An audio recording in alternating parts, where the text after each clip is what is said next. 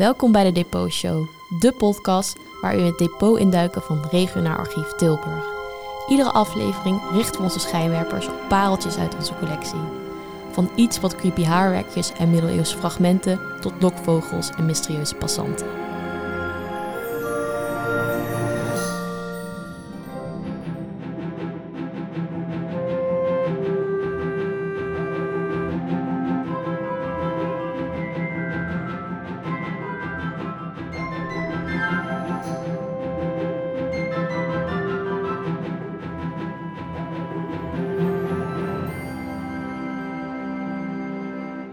Welkom bij het tweede seizoen van de Depot Show. Mijn naam is Sterre Schlink en normaal ben ik de host, maar dit seizoen trappen we even wat anders af.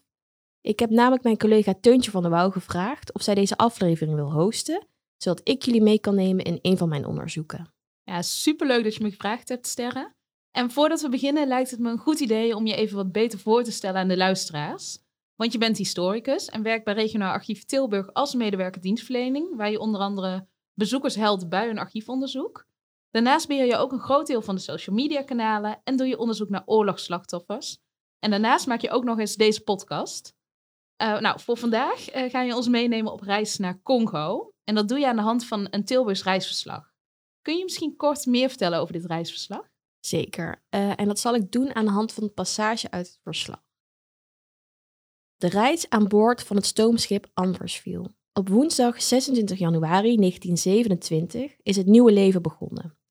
Nog hing het nachtelijk duister over de grote havenstad Antwerpen toen een jonge man, vergezeld van enige familieleden en vrienden, zich per auto naar de haven liet brengen. Alwaar reeds volop vertier was van gaande en komende mensen, auto's, trams enzovoort. Immers circa acht uur in de morgen reeds zou de grote witte Congo-boot Anversville van de compagnie Belge Maritime du Congo afvaren om de 69ste reis te aanvaarden naar het land der witte zonne. En ook de jonge Hollander, waarvan hier sprake was en die zich in de vervolgen met ik of wij zullen identificeren, zou deel uitmaken der passagiers, die zich met de bestemming naar Belgisch Congo zou laten inschepen. Wauw, dit klinkt als het begin van een spannende film. Ja, toch? Ja. Dat vond ik ook. Um, dit is een van de eerste passages van het reisverslag. En de schrijver is Henry van Kempen. Hij is dan 24 jaar oud en wordt door zijn familie en vrienden dus uitgezwaaid in de Antwerpse haven. Hij gaat naar Congo, wat op dat moment een kolonie van België is. En Henry legt zijn reis vast voor de Tilburgse Post, dat is een krant. En elke vrijdag stond er een verslag van zijn reis op de voorpagina en konden mensen dus thuis in Tilburg over zijn belevenissen lezen. Oh, dat moet echt ontzettend spannend zijn geweest uh, om te lezen. En hoe heb je dit eh, verslag gevonden? Um, nou, dat is al een tijdje terug. In 2020 begon ik als uh, vrijwilliger bij het archief. En moest ik verschillende dossiers doorspitten en beoordelen of ze een beetje interessant waren. En dat was dit archief zeker. En wat was dit dan voor archief? Nou, het is archief 1186. En dit is het archief van Henry van Kempen. Hij bevat naast het reisverslag ook verslagen over de Tweede Wereldoorlog, waarin Henry vertelt over zijn belevenissen en over de bevrijding. Um, ik heb geschiedenis gestudeerd en toen het tijd werd om mijn bachelorscriptie te schrijven, toen wist ik al dat ik eigenlijk heel graag die reisverslagen wilde onder, ja, onderzoeken. Ja, dat kan ik me net heel goed voorstellen, alleen al aan de hand van die eerste passage. En uh, wie was die Henry? Kun je iets meer over hem vertellen misschien? Ja, Henry werd op 21 augustus 1903 in Tilburg geboren. Hij was een journalist en schreef onder pseudoniem Campino voor onder andere de Tilburgse Post en de Nieuwe Tilburgse Courant. Um, we hebben ook verschillende perskaarten van hem. Even kijken, ik pak hem er maar even bij. Deze is uit 1929 en hij is dan uh, 26 jaar oud. Er zit ook een pasfotootje op. Zou jij hem willen beschrijven? Oh, oh wat een mooie kaart. Nou, eerlijk gezegd is het best wel een knappe man, moet ik zeggen. Toch? Ja, dat vond ik ook. Uh, gewoon mooi in het pak, stropdas, uh, haren strakke in de scheiding, zoals in die tijd mode was. En ik moet zeggen dat hij een hele indringende blik heeft. ja. Is, uh, een jonge man die eruit ziet alsof hij een missie heeft. Uh, Zeker. Dus, uh, hij kijkt echt recht de camera in. nou ja, hij kwam uit een echt Tilburgs nest. Zijn vader was een bakker en had een zaak aan de Korte Schrijfstraat.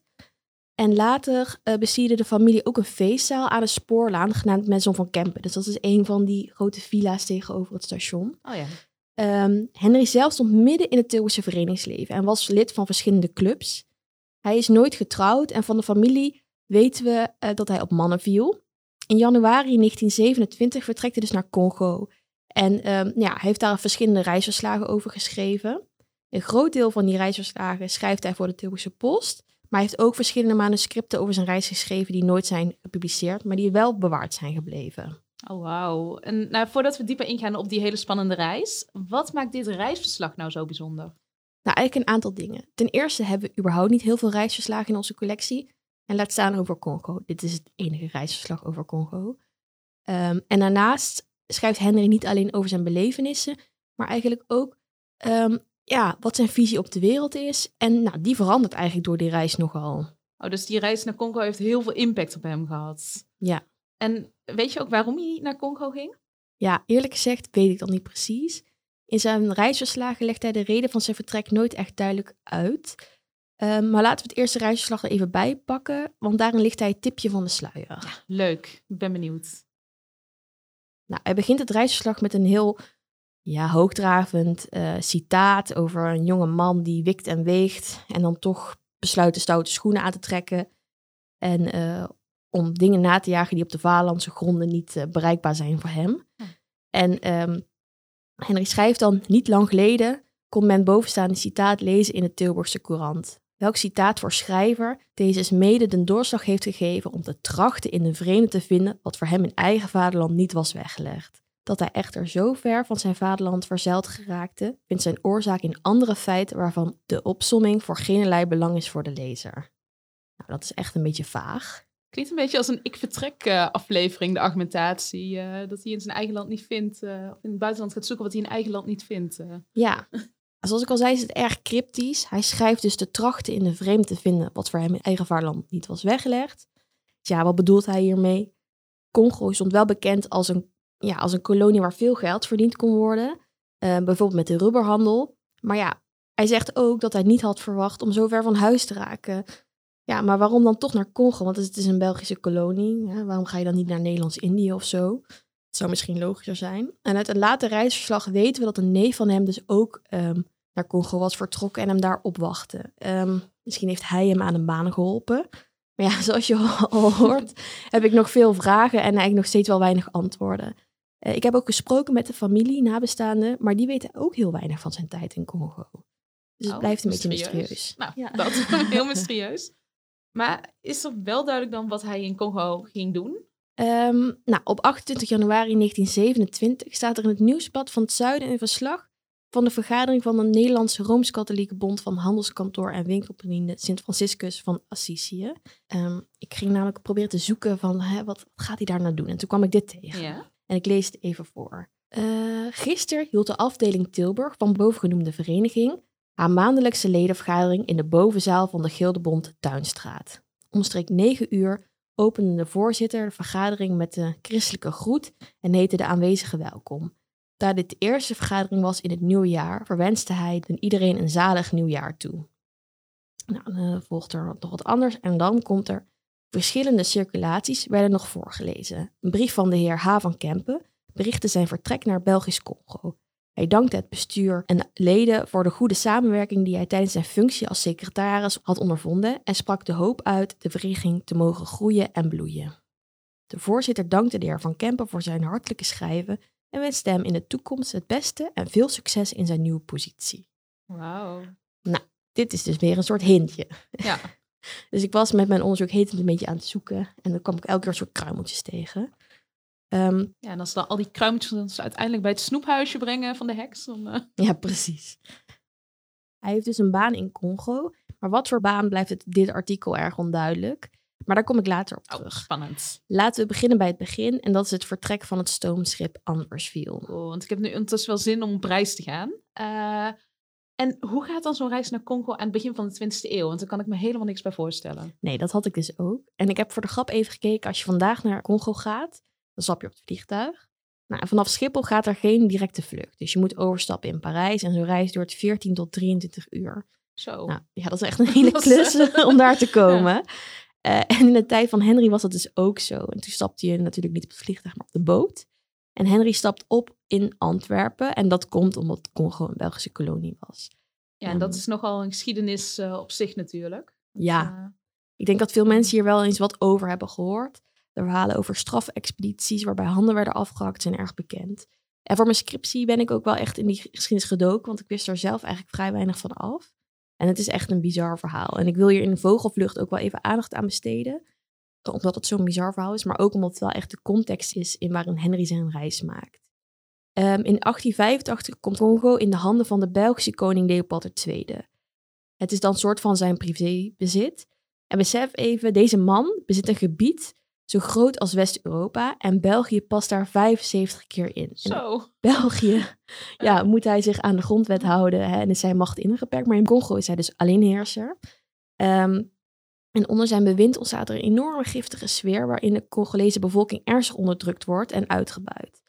En Leopold ziet dat gebied echt als een soort geldmachine en zijn doel is zoveel mogelijk te verdienen. Hij stelt een rubberquota in en dit ontwricht de samenleving, waardoor grote delen van de bevolking op de vlucht slaan en ja, ook komen te overlijden.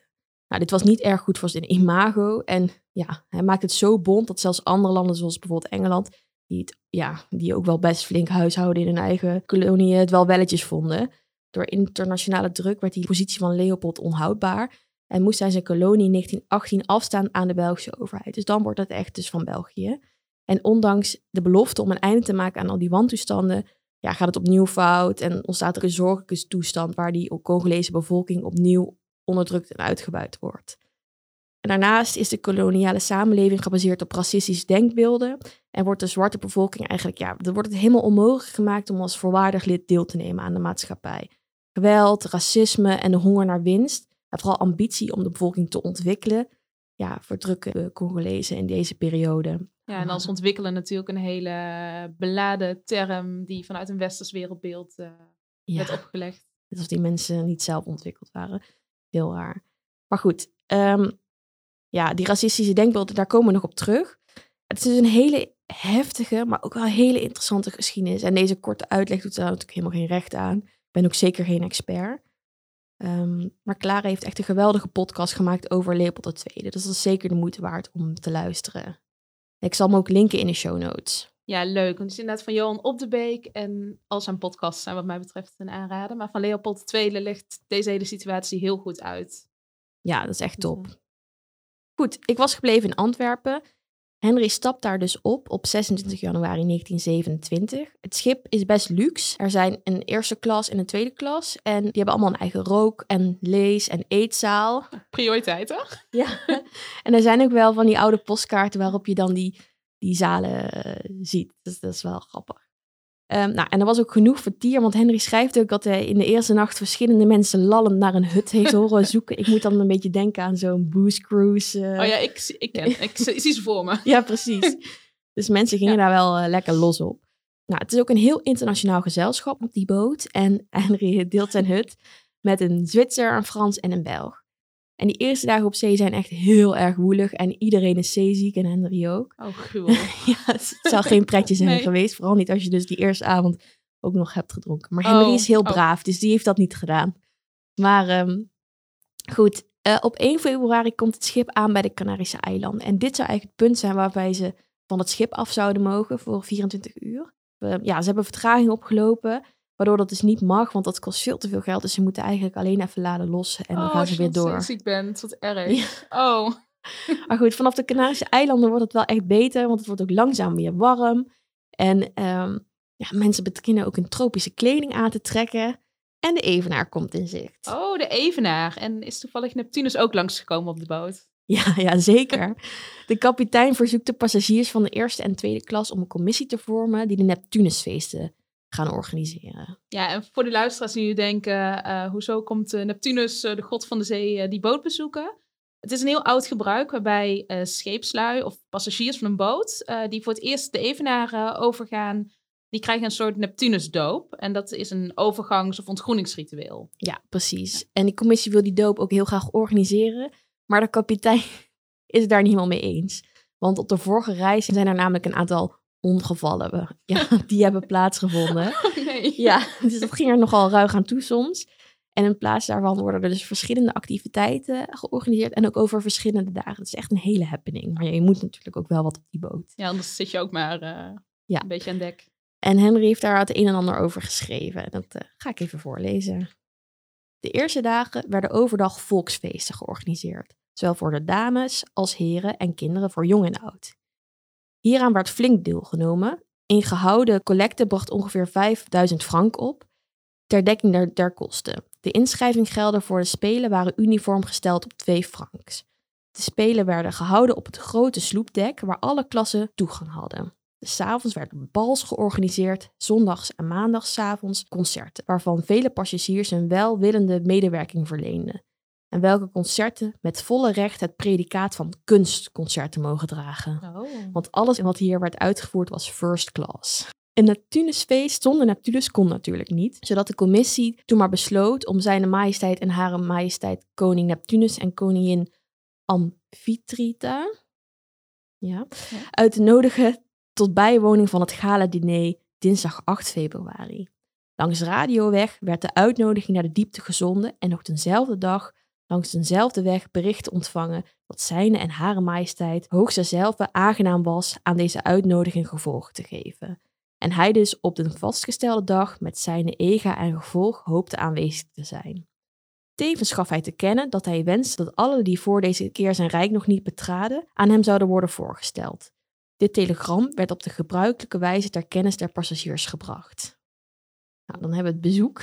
Wat een goed, eh, goed intro ook. eh. Ja, toch? Helemaal kleine Zemermin-vibes. Op het vastgestelde uur, terwijl alle gasten het meest kostuum à la travestie aan tafel gezeten waren.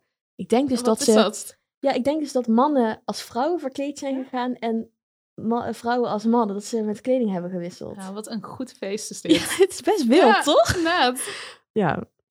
Ehm, aan tafel gezeten waren, werd een kanonschot gehoord. Terwijl even later de hofmeester kwam aankondigen dat zijn majesteit in Tunis was gearriveerd.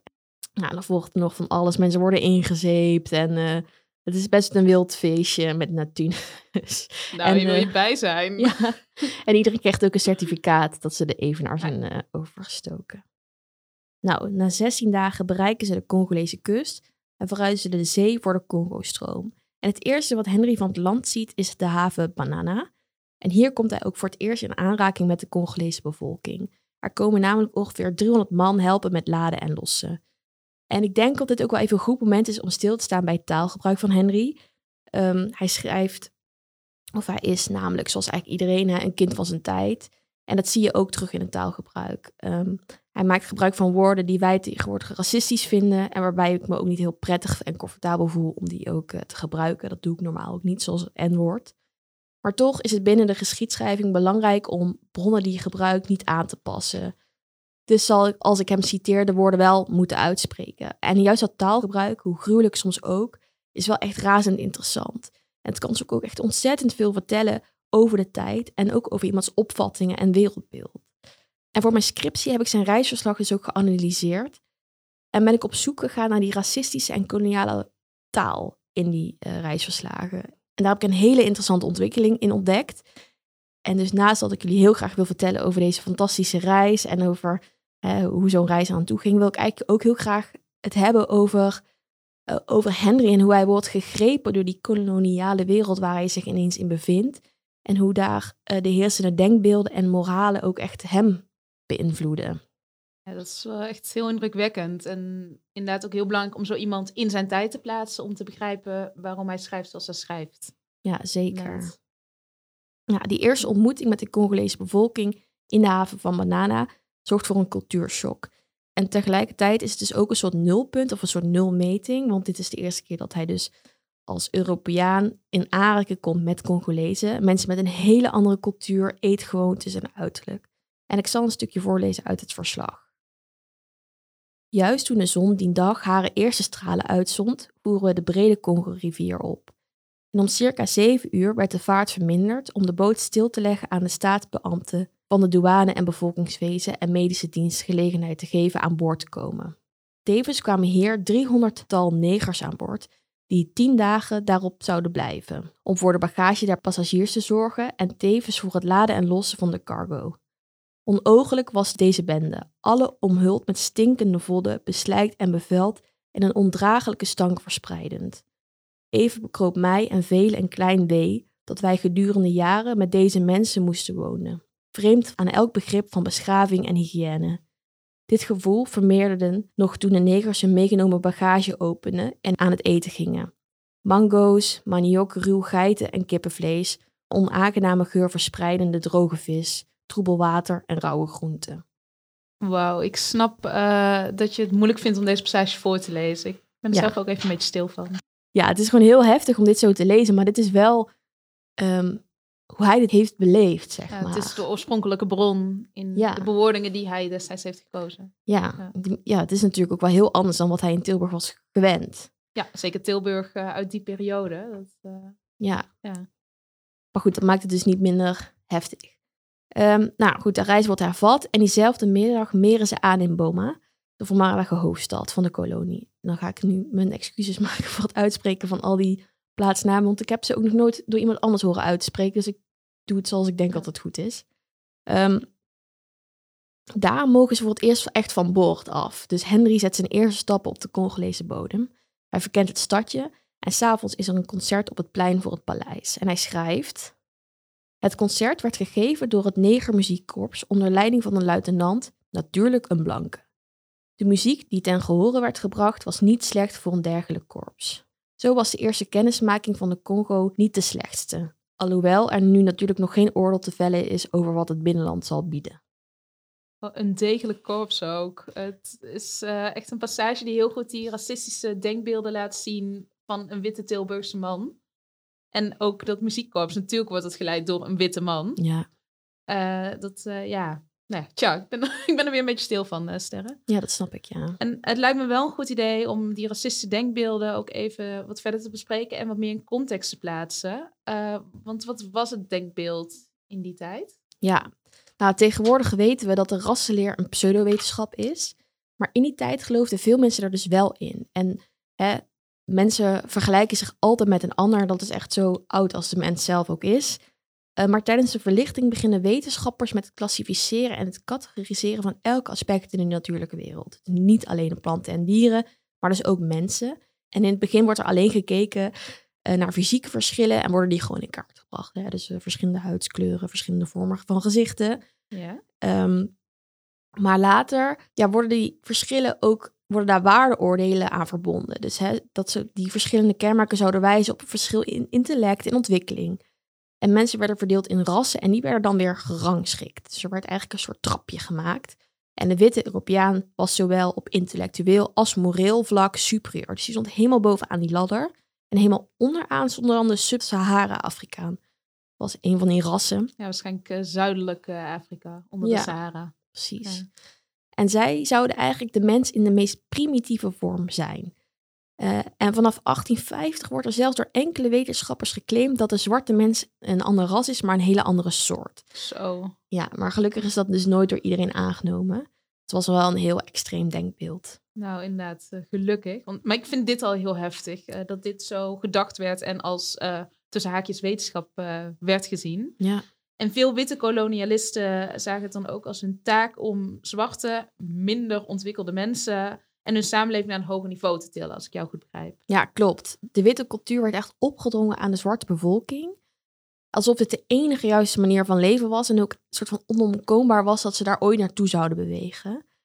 Ehm, en als ze, ja, ze dus niet wilden verwesteren, dan werd er ook vaak dwang en geweld gebruikt. Hierdoor zijn er in heel veel inheemse culturen en gewoontes en talen verloren gegaan. En in Henry's verslag eh, valt het denkbeeld ook wel echt op eh, als hij de levenswijze van de Congolezen beschrijft. Hij keurt het vaak af en noemt het primitief. Ja, ook zo'n typisch woord eh, dat dan vaak in de mond wordt genomen. Dat, Ja, dat primitieve. Ja. zeker. Ook al is Henry nu in Congo, zijn reis is nog lang niet ten einde. Na het concert gaat hij terug naar de boot en als hij wakker wordt, dan zijn ze alweer onderweg. En rond het middaguur komen ze aan in Matadi en dit is de hoofdstad van de kolonie. En hier blijft hij drie dagen. En dan gaat hij eh, dus ook echt van de Anversville af. Nou, in Matadi verkent hij de stad, bezoekt hij inheemse dorpen, die beschrijft hij ook. En hij bereidt zich voor op de tweede etappe van zijn reis, namelijk de treinreis van Leopoldville-Kinshasa. Leopold viel, als in eh, Leopold heeft zijn eigen stad. eh Ja, even ja, ja, ja, zeker. Hey? En Kinshasa is dan eigenlijk de inheemse naam voor die stad. Ja? En nou ja, Leopoldville. ja, spreekt voor zich, denk ik. Ja. Nou, die reis duurt twee dagen met een overnachting in Thijsville. Ik weet niet wie Thijs is, maar Klinkt ook eh, behoorlijk eh, Westers-Europees, Ja, eh, vrees ik. Goed, eh, Henry beschrijft die treinreis weer. Dat is ook echt heerlijk. Nou, neem ons mee. De treinreis. Wanneer men hier in de Congo met de trein op reis wil gaan, dan behoeft men er niet aan te denken dat zulks gaat zoals in Nederland. Dat men even naar het station loopt, een kaartje koopt en in de trein stapt. Oh nee. Om op reis te gaan hier met een trein is het nodig dat men zich laat inschrijven minstens twee dagen van tevoren, nog beter een week, op een lijst van personen die verlangen om een bepaald traject af te leggen. Dan wacht men tijdig af wanneer men kan vertrekken. Dit wordt door middel van een lijst bekendgemaakt. Deze lijst is dan ten inzage in het station, op het spoorwegbureau en in het hotel. Staat uw naam op de lijst, dan kunt u een kaartje halen, bagage inschrijven en informeren hoe laat de trein vertrekt, in welk coupé men moet plaatsnemen en welk nummer.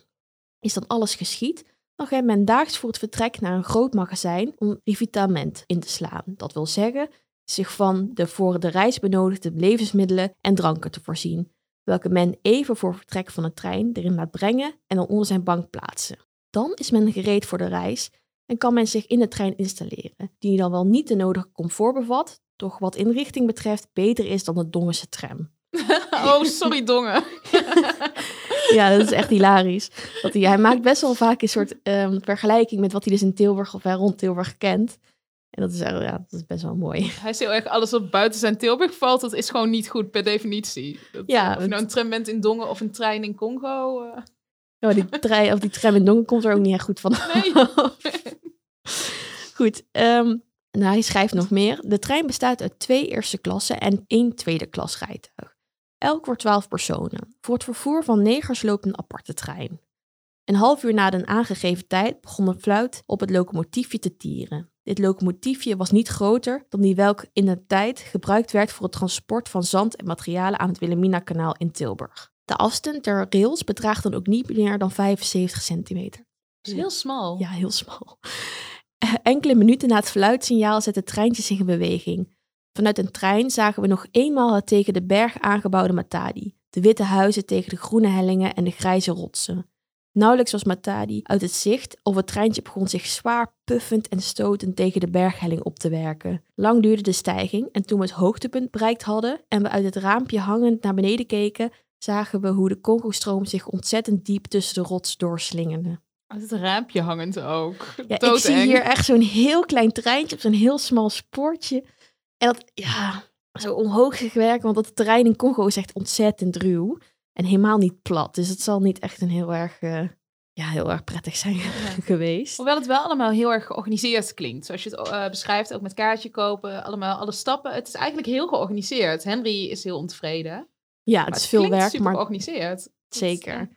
En hij schrijft op een gegeven moment ook dat er echt enorm veel kliffen en dieptes zijn... waar je soms dan nog de resten van zo'n ontspoortreintje ziet liggen. Oh, ik zou daar echt niet meer lekker zitten. Weet toch? Nee. En het is ook heel heet. Oh. Het is echt een soort, hij schrijft ook als een soort sardineblikje. Ehm nou ja, en die treinreis duurt dus twee dagen. En dan komt hij dus in Leopoldville, Kinshasa aan.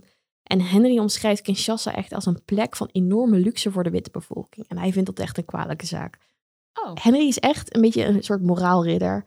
Ehm, ja, want hier doet hij in één keer heel erg eh Ja, deugdzaam. het is, eh. ja, maar hij is echt een deugdzame christelijke man. Dat merk je aan alles. En dat is dit passage komt dat heel mooi Ja. naar voren. Hij wil dat het eerlijk is als het hem maar verder niet in de weg zit of zo. Dat- Ja, zoiets. Het volgende wat ik wil zeggen is dit. Dat iemand die een Europese stad wil ontvluchten om de daar heersende luxe, vooral moet zorgen niet in Kin, dus als Kinshasa, terecht te komen. Want hij zal er meer luxe vinden dan waar ook in Europa. Als ik hier spreek van luxe, dan bedoel ik niet zozeer een openbare, doch een meer individuele luxe. Volgens de statistieken heeft iedere blanke in Kin zijn auto of motor. Er zijn ongeveer 1500 Europeanen, waaronder circa 200 vrouwen, welke laatste vooral een overdreven luxe tentoonspreiden. Ik voor mij vind dergelijke geldverspilling schandelijk. Ten meer waardoor alle blanken zonder uitzondering naar de Congo komen om daar noeste arbeid en zuinig leven enige duiten te verzamelen voor een latere leven. Dat echter uit kin meer armer dan rijken repatriëren, laat zich begrijpen. Oh, wauw. Best een vlammend betoog. Ja, ook mooi het woord blanke een paar keer ertussendoor. eh, Ja. ja. ja, Daar is, komt dat taalgebruik dus Ja. ook weer heel erg naar voren. inderdaad. Na enkele dagen in hoofdstad vervolgt Henry zijn reis. Dit is de derde en laatste etappe En dat gebeurt met een kleine boot. En hij vertrekt dan richting Lusambo. En dat is een stadje echt in het binnenland. En dat is bijna alleen te bereiken dus via die rivieren. En die rivieren zijn zo wild dat hij geen aantekening kan maken op die boot. Dus dat moet hij dus achteraf doen. Oh, en dat heeft ze heel erg geschommeld. En als je al zeeziek wordt, dan werd Ja. het de rivier ook. Het zal wel echt heftig zijn Oh. geweest. En hij schrijft ook dat er geen kaarten zijn van die eh, rivieren, omdat die zandbanken dus elke keer bewegen door die grote stromingen. En dat er allemaal dingen worden meegesleurd. Wat Ehm, spannend. ja, dit is ook dat wel heel, wel. heel spannend. En ehm, nou, hij schrijft er ook weer wat over. Het reizen aan boord van een sternwieler in de Congo is aangenaam en vol afwisseling. Want de boot, die met hout gestookt moet worden, heeft meerdere malen per dag een oponthoud van 1 à 2 uren voor het innemen van hout. Dit zijn prachtgelegenheden om aan wal te gaan en kleine wandeling te maken om Negendorpen te bezoeken. Van deze gelegenheid wordt dan ook gebruik gemaakt door de passagiers om indrukken op te doen van het land en volk overal waar we een oponthoud hebben. Zo. Ja, dus die reis duurt lang. Ja. En hij kan dus ook echt ja, veel van Congo zien onderweg. Ja, dat wel. Je krijgt wel een hele goede indruk van het land. eh, Ja, in principe. want Henry zit in totaal 18 dagen op deze boot. En om even te vergelijken, dat is dus één dag langer dan de boot van Antwerpen naar Matadi. Terwijl het dus een veel kortere afstand is. Maar ze moeten dus op die rivieren tegen de stroom in. En ze moeten dus elke keer zo stoppen. En daardoor duurt het dus echt zo lang. En die beschrijvingen over de natuur en over ja, het leven op die boot is best wel mooi. Dat is ook wel echt leuk om terug te lezen in die verslagen. Dus ik kan natuurlijk niet alles voorlezen, maar Want alles is online eh, in te zien ook van de archieven? ja, dat is goed dat je het zegt. Alles is eh, gescand en is gewoon online eh, ja, te bekijken en te belezen. Dus dat is zeker de moeite waard. Ik zal het ook allemaal linken eh, in de show notes. Nou, goede tip. Yes. Nou ja, en nu komt de reis eigenlijk ten einde. Eh, en Henry schrijft... Eén dag varen voor Lusambo ligt een zeer mooi plaatsje. Pena di Belle. Eh, toen onze boot de aanlegplaats naderde en ik met mijn verrekijker de omgeving van het plaatsje bespiedde, meende ik in een der aanwezige blanken een bekende te zien. Namelijk een neef, die mij enige maanden was voorgereisd. Ik tuurde en tuurde om mij te overtuigen en toch durfde ik niet te hopen, omdat ik niet wist waar hij kon zijn. Hoe meer echter de boot naderde, hoe duidelijker ik het zag. Hoe meer ik overtuigd was. En toen ik hem mij zag toewuiven, was er geen twijfel meer mogelijk. Natuurlijk een aangename verrassing. Nog groter surprise toen een heer aan mij werd voorgesteld als mijn toekomstige directeur, die mij mededeelde dat ik mijn bagage moest gaan inpakken en in Bellen blijven, om daar vandaan nog enige weken mijn vaste bestemming in het binnenland te bereiken. Zo, dus na bijna een maand is Henry eindelijk op zijn eindbestemming eh, gekomen. Ja, tijdelijke Ja, eindbestemming. oh, tijdelijk. Ja. En je hebt het over een directeur. Eh, weten we dan ook nu een beetje wat hij daar nou ging doen? Ja, uit het reisverslag blijkt dus dat hij gaat werken op een factorij in Benadibelle. Maar hij schrijft ook dus in het fragment dat ik dus net voorlas, dat hij over enkele weken echt zal vertrekken naar zijn vaste bestemming in het binnenland. Ja, want dat zei je inderdaad. En dan heb je het ook over een factorij. Eh, wat is dat? Ik ken Ja. het woord niet. Ja, een factorij is een soort handelspost die werd gerund door een Europese handelsonderneming. En er werd dan voornamelijk met de plaatselijke bevolking gehandeld. Nou, Benadibelle ligt aan de oever van de Sankura-rivier en is een plaatsje waar zich een staatspost bevindt. Die is bemand door een gewestelijke bestuurder en een staatsagent. En in totaal zagen er ook een zestal factorijen. Ja, er leefden ongeveer 15 witte mensen permanent in het stadje. En daarnaast vertoefden er ook veel mensen die op doorreis waren of die even kwamen ehm, handelen. En Henry omschrijft Benadibelle dus echt als een soort handelscentrum. Ja, dus eigenlijk gaat het weer allemaal gewoon voor de witte mensen om geld te verdienen over de ruggen van anderen. Ja. En weet je ook hoe die handel precies in het werk ging? Eh, de Congolezen verbouwden eh, veldgewassen en die verkochten bijvoorbeeld hun rijst door aan de factorij. En ook palmbomen vormden een hele belangrijke ja, handelsproduct. En die werd echt van top tot teen gebruikt. Eh, er werd zeep van gemaakt, olie, touw, borstels en ook palmwijn. Ja, Henry voert in die eerste weken voornamelijk hele simpele klussen uit op die factorijen. Zoals het afwegen van producten en het betalen van de, ja, van de zwarte bevolking die dus dat kwam Ja. kopen. En hij omschrijft ook het, echt het reilen en zeilen op die factorij. En ik pak er even weer een reisverslag bij. S'morgens om 6 uur begint de werkdag. Voor 6 uur moet appel gehouden worden over het personeel. Om 6 uur als de gong wordt geslagen, moet het magazijn open. Want dan staat er reeds tientallen zwarten met rijstbladen te wachten. Men kan dan onmiddellijk aan de arbeid. En vaarwel kopje thee. Oh. Ja. Men begint te wegen en te betalen. Met tweeën, de een geeft het gewicht en de ander betaalt. Intussen sjouwen de zwarte knechten de rijst weg van de bascules. En een aantal kleinere knapen hebben niets anders te doen dan de zakken die op 31 kilo zijn afgewogen dicht te naaien. Dit gaat zo de gehele voormiddag tot 11 uur en dan weer van 3 tot 5 uur. Het ontbijt moet aan de weegschaal verorberd worden, anders is er geen tijd. Van tijd tot tijd moet het wegen gestaakt worden, want dan staan er weer een groepje negers of negerinnen voor het magazijn te wachten op tischule om stoffen te kopen. Weet je ook iets over die betalingen? Of die eerlijk waren? Ik vrees dat het antwoord nee is. Maar... Nee, ja, ik denk dat ze. ehm, ja, ze wilden gewoon zoveel mogelijk winst maken. En ze verkochten dus dan ook weer die stoffen. En wat hij er dus over schrijft, is dat eerst komen ze dus die reis afgeven. Krijgen ze dus betaald voor. Maar dat geld komt vaak dus weer terug naar de factorij. Omdat ze dus dan weer stoffen gaan kopen. Eigenlijk een heel erg rond handelssysteem voor de witte, ja, witte het mensen. geld daar. komt daar eigenlijk altijd wel weer, weer uit. Oké. Het komt op mij over dat die werkzaamheden in bellen eigenlijk een soort kennismaking en voorbereiding zijn op zijn latere positie die hij gaat innemen ehm, in het binnenland. Hij schrijft namelijk: Dit is voorlopig een en ander over handel. Wanneer ik op mijn eigen factorij ben aangekomen, hoop ik meer gedetailleerd over te vertellen, als ook over de bereiding en winning der producten. Ja, dit wijst dus eigenlijk op dat hij een eigen factorij onder zijn hoede krijgt. Waar dit precies is, wordt niet helemaal duidelijk. En eigenlijk hebben we Henry's reis en belevenis tot nu toe heel goed kunnen volgen. En de mensen thuis in Tilburg ook, want dus wekelijks verschijnen die stukjes eh, vrijdag op de voorpagina van de krant. Maar daar komt nu een einde aan. Oh, wat gebeurt er dan? Ja, de brieven die Henry verstuurt komen niet meer aan. En er zijn dus geen reisverslagen in de krant verschenen. En als de redactie eindelijk eh, weer contact met Henry krijgt, laat ze dat weten. En dan begint hij snel weer opnieuw met schrijven. Um, maar hij is dan al lang niet meer in binnen die bellen. En hij heeft de stad verlaten en woont nu op een palmboomplantage in het oerwoud van Congo. En we weten dus eigenlijk niet wat er in die tussenliggende periode is gebeurd. Nou, misschien wordt er ooit nog een keer een postzak gevonden met allemaal eh, ongeopende brieven van Henry. Oh, dat zou wel geweldig zijn. Oh, ja, we mogen dromen een beetje, toch? Jazeker. Weten we wel wat er in de periode daarna eh, gebeurde weer? Um, nou, Henry woont dus op die plantage en hij schrijft dat hij de enige witte persoon is in een straal van enkele honderden kilometers. En die verslagen die komen ook in de krant, maar dat gaat eigenlijk voornamelijk over de plaatselijke bevolking. Volgens Henry gaat het om een stam genaamd de Passongomeno's. Oh, en wat schrijft hij dan over deze mensen? Ja, nou, het is ook, wij zijn wel echt weer hele heftige um, reisverslagen. Ook wel heel interessant, maar wel heftig. En ja, hij schrijft nogal overdreven over hun, uh, vind ik persoonlijk. En hij beschrijft dus de levenswijze en rituelen. Ja, en de koloniale taal en het racisme ligt in deze reisverslagen wel er echt heel erg dik bovenop. Um, Terwijl ik het in zijn vorige verslagen af en toe best wel heftig vond. Ja, Heb maar je, ja, nu richt hij zich daar echt dus alleen maar op. Jeetje, heb je misschien ook een voorbeeld hiervan? Ja, zeker.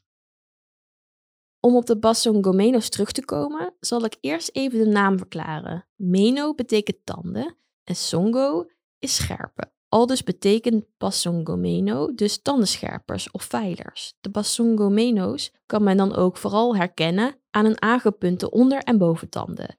Het is wat men noemt een vals en gemeen ras en mag gerekend worden tot een der gevaarlijkste, minst onderworpen rassen van gans Equatoriaal Afrika. Voortdurend geven zij aanleiding tot staatsverweer en moeten soldatenmachten waartegen zij een reuze haat koesteren hardhandig optreden om hen een beetje te temmen. Temmen ook. Ja, alsof het een soort wilde beesten zijn. Heel heftig. En ook dat inderdaad gevaarlijk en uh, niet onderworpen, dat dat op één lijn staat kennelijk voor hem. En niet gewoon mensen die hun, hun leven gewoon willen leiden zoals ze het altijd geleid hebben. Ja, precies, een eigen levenswijze. Nee. Nou ja, er volgen nog enkele brieven dus over deze stam en daarna schrijft hij een tijd niet. Op 31 januari 1930 verschijnen er weer brieven in de Tilburgse Post en Henry schrijft dan als hij terug in Tilburg is en eigenlijk niet meer van plan was, um, nou ja, hierover te schrijven.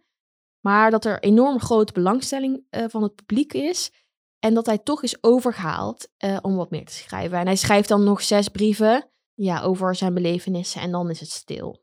Oh, dus hij begint eigenlijk heel voortvarend met het schrijven en heel trouw uh, maakt hij reisverslagen. Zodat iedereen, zoals wij nu ook, de reis heel goed konden volgen. En hoe langer hij in Congo is, dus hoe minder hij schrijft eigenlijk. Ja, precies. En ook hoe minder wij, wij weten, helaas. En het is dus ook niet helemaal duidelijk waarom hij dan terug naar Nederland is gegaan. Hè, want misschien liep zijn contract gewoon af. Ja, soms zijn het hele simpele verklaringen. Ja, precies. Uh, want hoe lang is hij uiteindelijk in Congo gebleven? Ja, hij is ongeveer drie jaar in Congo geweest. En in die periode heeft hij een hele ontwikkeling doorgemaakt. En dat valt vooral te lezen in die ongepubliceerde reisverslagen um, die hij heeft geschreven. Het is alleen niet helemaal duidelijk wanneer hij die dus heeft geschreven. Het kan zijn dat de manuscripten in Congo zijn geschreven of na terugkomst in Nederland. En ja, hij heeft ze helaas niet gedateerd. Oh, dat is heel jammer. Ja, dat is onhandig. Inderdaad. En van de reisverslagen die we dan tot nu toe hebben besproken, die werden gepubliceerd in de Tilburgse Post. En daarvan weten we dus ook zeker dat ze in Congo zijn geschreven. Maar er zijn dus ook nog ongepubliceerde manuscripten die over zijn reis gaan, waarvan we dus helemaal niet weten wanneer en waar die gemaakt zijn. Ja, klopt. En in die manuscripten blikt hij vaak terug op zijn belevenissen. Dus ik ga er wel van uit um, dat in ieder geval een deel daarvan naar terugkomst is geschreven. En ik wil er één in het bijzonder uitlichten. En het ligt hier voor ons. Um, oh. Pak het er even bij. Het is een handgeschreven stuk op gele velletjes. Hè? En met potlood is het geschreven. En het heeft verder geen titel. Het is ook niet gedateerd. En waar gaat die tekst dan over? Ik ben nu wel heel benieuwd. Um, ja, ik kan het beste tekst lezen. Het is een hele lab wel. Um, toen ik als jonge kolonist en essayist in 1927 mijn eerste bevindingen neerschreef over het leven der Europeanen in de Congo en sprekend over de behandeling der negers door vele blanken, liet ik mij eens gaan in het vuur van die jonge schrijflust en schreef ik als volgt. Ik zou de woordenrijkdom willen bezitten van een multatuli, om de verdrukkers der arme zwarte te kastijden. Ik zou de blanken, die hun onderhorige mishandelen, willen streamen met den gezel mijner woorden. Pijnlijker en feller nog, die doen neerdalen op hun lijven, zij die de zweepen neerkletsen op de ruggen hunner onderhorige zwarte. Het zal u misschien bevreemden wanneer ik zeg dat ik in deze dagen niet meer zoiets zou neerschrijven, nog minder zou durven zeggen. Zeker, het is niet toelaatbaar dat Europeanen de inlanders nodeloos mishandelen. Maar toch, al zijn wij democraten, de voorvechters van vrijheid, gelijkheid en broederschap, toch mogen wij niet uit het oog verliezen dat de Europeanen, die uit den aard hunner functie het meest met de negers moeten omgaan, in de regel een zeer grote verantwoording dragen, gedekt door hun eigen karige verdiensten. Wij moeten dan tevens in oogschouw nemen het karakter van de neger, zonder enige verantwoordelijkheidsgevoel, zonder enige waardebegrip, alles verspillend, alles zich toe-eigend wat hun onder ogen komt. Iets zegt. Ja, dit is een heel heftig stuk. Um, hij haalt in het stuk een tekst aan dat hij in 1927 voor de Tilburgse Post schreef. Dus in een van die gepubliceerde uh, reisverslagen. En in dat stuk spreekt hij dus zich fel uit tegen die witte Europeanen die de zwarte bevolking uitbuiten en mishandelen. En hij is dan nog maar net in Congo. En het hierboven geciteerde stuk, um, ja, daar schrijft hij minimaal drie jaar later, als hij dus weer terug is. En zijn kijk op het handelen en straffen van de zwarte bevolking is in die tijd heel erg veranderd. Um, en iets verderop in de tekst vervolgt hij, ook als de Europeanen wel eens de kluts kwijtraken en tot handtastelijkheden overgaan, dan moet men niet direct het grote woord spreken van beulen, maar veel eer als deze verzachtende omstandigheden in aanmerking nemen en medelijden hebben met de tot wanhoop gebrachte Europeanen die gedoemd zijn tussen de inlanders te leven. Dus als een Europeaan iemand mishandelt, dan is hij gewoon even de kluts kwijt. En daar mogen we niet meer van vinden dan dat. Ja, want zij hebben de zware taak om tussen de zwarte mensen te leven. Ja. Aldus Henry. Ja. Zo, arme, arme Henry. Ja, dus als je dit leest. Um... Ja, ik merk dat ik een beetje boos word. Ja. Uh, of, nou, dat is misschien niet helemaal het goede woord, maar verwacht om dit soort woorden te horen. Ja, je, je kan je gewoon je bijna niet in verplaatsen dat, dat je dit opschrijft, dat je hier vooruit durft te komen, maar dat je dat dus ook echt meent. Ja, en ook uit de goedheid van zijn hart lijkt te schrijven. Want hij lijkt heel erg empathisch. En dan zegt hij daarna in één keer zulke dingen alsof hij de, vanuit zichzelf ook denkt dat hij dat ook heel empathisch naar anderen of zo doet. Ja, vooral empathisch voor de witte Europeanen. Ja. Ja, nou goed, hier is dus de ontwikkeling die hij doormaakt echt super duidelijk te lezen. Hij blikt letterlijk terug op zijn eigen uh, teksten en zijn eigen visie. Nou, ik vond het dus ook echt heel erg heftig om te lezen. En je raakt toch een beetje verknocht aan iemand. Hè? Het is een knappe man om te zien. En we waren ongeveer even oud toen ik dit onderzoek deed als hij naar Congo ging. Um, en daarnaast vond ik het best stoer dat hij zo'n verre reis gaat maken. En natuurlijk moet je altijd afstand houden van, van je onderzoeksonderwerp. Maar toch ga je een soort beeld vormen van iemand in je hoofd. En als dat dan niet blijkt te kloppen en iemand zo radicaliseert, ja, dat is, ja, ik vond het echt heftig. Dat, Ja. ja. Ik kan me wel voorstellen. is in de eerste instantie iemand eh, waar je jezelf dan mee identificeert. Iemand uit Tilburg. Eh, Ja. Wit, ongeveer even oud. En dan ineens komen er denkbeelden voorbij waar je helemaal Ja, jezelf niet in kunt Ja, vinden. waar je helemaal niks mee kan. Ja. Het gewoon druist tegen je eigen eh, waarden en Ja. normen. Ja, dat is echt heel heftig. Ik kan me voorstellen. En heb je misschien ook voorbeelden van die radicalisering? Ja, in diezelfde tekst geeft hij een aantal voorbeelden van situaties waarin hij zelf vindt dat het geoorloofd was dat hij geweld heeft gebruikt tegen de Congolese bevolking. Dus hij beschrijft een aantal scènes waar hij dus echt mensen ehm, pijn doet. Oh. En ehm, ja, heel, heel heftig. En ehm, ja, ik, ik, ik heb er ook voor gekozen om ze niet, niet voor te lezen, omdat ik dat eh, niet nodig vind. Je kan het gewoon terugvinden op onze website, je kan het, hè, je kan het nalezen. Eh, maar ik, dat zijn gewoon hele heftige scènes. En ehm, goed, daarnaast worden de beschrijvingen van de bevolking ehm, in die manuscripten ook eigenlijk steeds heftiger en negatiever en vol met koloniaal taalgebruik. En hij zet alles af tegen de Europese eh gebruik. Dat zagen we net al met dat treintje. Hè? Eh, Wat ook wel logisch is, want je vergelijkt het natuurlijk met wat je kent. Tram naar Dongen. Ja. maar wat het dus opvalt, is dat die dingen niet anders zijn, maar altijd minder of primitiever, zeg maar. Het is altijd negatief. Ehm, ja, hij raakt echt vergiftigd door die koloniale samenleving waarin hij zich begeeft. Ja, hij krijgt natuurlijk de hele dag van zijn omgeving. En hij zal daar vooral met witte mensen zijn omgegaan. Dit soort gedachtegoed mee. Ja, Dat, eh, ja, en eh, hoe moeten we die reisverslagen dan precies interpreteren? Want zoals je al eerder zegt, eh, Henry is een kind van zijn tijd. Een 19e-eeuwse jongeman. En het is dan ook niet helemaal eerlijk om met onze moderne bril naar hem te kijken, zijn teksten te lezen en het vervolgens te veroordelen. ja, dit is echt, echt heel erg lastig. Hè? Die, die citaten die ik net heb voorgelezen zijn heel heftig en roepen waarschijnlijk veel verontwaardiging op, ook bij de luisteraars. Ehm, nou, en geweld gebruiken tegen onschuldige mensen is altijd fout. Daar hoeven we gewoon niet over te discussiëren.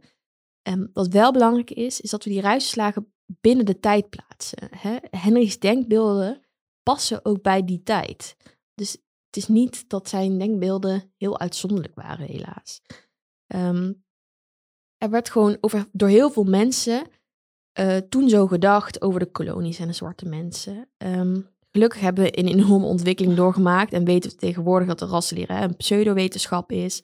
En is Congo zelfstandig en is er een mensenrechtenakkoord van de VN, eh, die door veel landen is ondertekend. Ja, gelukkig. Ja, dus Ja. dat zijn mooie dingen. Ehm, maar daarna is het toch ook belangrijk om te benadrukken dat we er nog lang niet zijn. En dat er nog veel racisme is. En dat die, ja, dat die koloniale denkbeelden nog steeds soms heersen, stukken daarvan.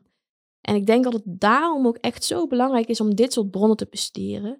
Je wordt gewoon met je neus op de feiten gedrukt dat mensen zoals jij en ik deze denkbeelden echt hadden. En niet eens zo helemaal lang, zo lang geleden, zeg maar.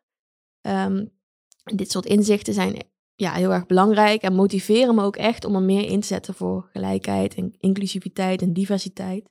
En die termen, ja, daar worden we een beetje mee doodgegooid de laatste tijd. Die horen we vaak, ehm, maar dat maakt ze niet minder belangrijk.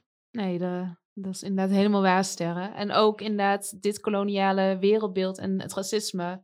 We zeggen het nu niet meer zo expliciet, maar de naweeën zijn gewoon nog steeds heel zichtbaar in de samenleving. En hoe we, hoe we nog steeds met elkaar omgaan. En dus ja, heel belangrijk dat we dit soort bronnen bestuderen om, om onze huidige samenleving ook te snappen. Ja, zeker. En te begrijpen dat iets wat misschien zoals die rassenleer een wetenschap lijkt of een feit, dat het niet altijd zo is. En heel kritisch te blijven. Ja, precies. Ja, Ja. Ik denk dat dit soort bronnen ons het heden beter laten begrijpen. Ja, dat zeg je heel mooi. Ja. Nou, ik wil je heel erg bedanken voor je verhaal, Sterren. En dat je dit met mij, maar ook met alle luisteraars eh, wilde delen. Want het is geen makkelijk verhaal eh, om te vertellen, eh, maar wel eentje dat gehoord moet worden. Ja, heel erg graag gedaan. En ik wil jou ook heel erg bedanken voor het hosten en het aftrappen van dit seizoen. En in de volgende aflevering neem ik het weer van je over. Nou, dus, ik geef de microfoon graag aan je terug. Tot dan. Tot slot, heel veel dank aan Ding Dong voor het logo en design. En aan Job van Etten voor de mooie muziek.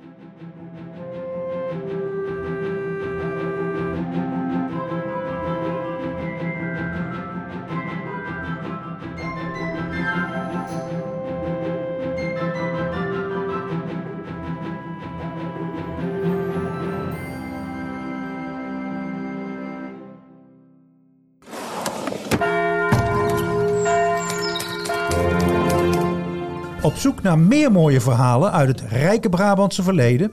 Luister dan ook eens naar Het Geheugen van Brabant. De podcast van het Brabants Historisch Informatiecentrum in Sertogenbos.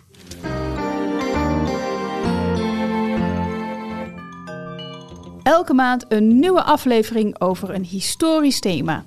Van Brabantse boeven tot de eerste vrouwelijke burgemeester van ons land. En elke aflevering duiken we diep in het dossier Marietje Kessels. Dat en nog veel meer historie uit onze provincie. Neem nou dit. Als ik eh, met enige wellust naar jou kijk, Marilou, en dan hoef ik dat maar vijf seconden voltrouwen volgens de theologen, dan heb ik dus een, een doodzonde begaan.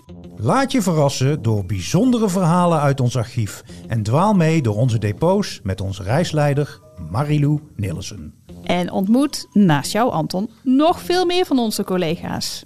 Kijk op big.nl slash podcast of in je favoriete podcast app. Daar vind je alle afleveringen van Het Geheugen van Brabant.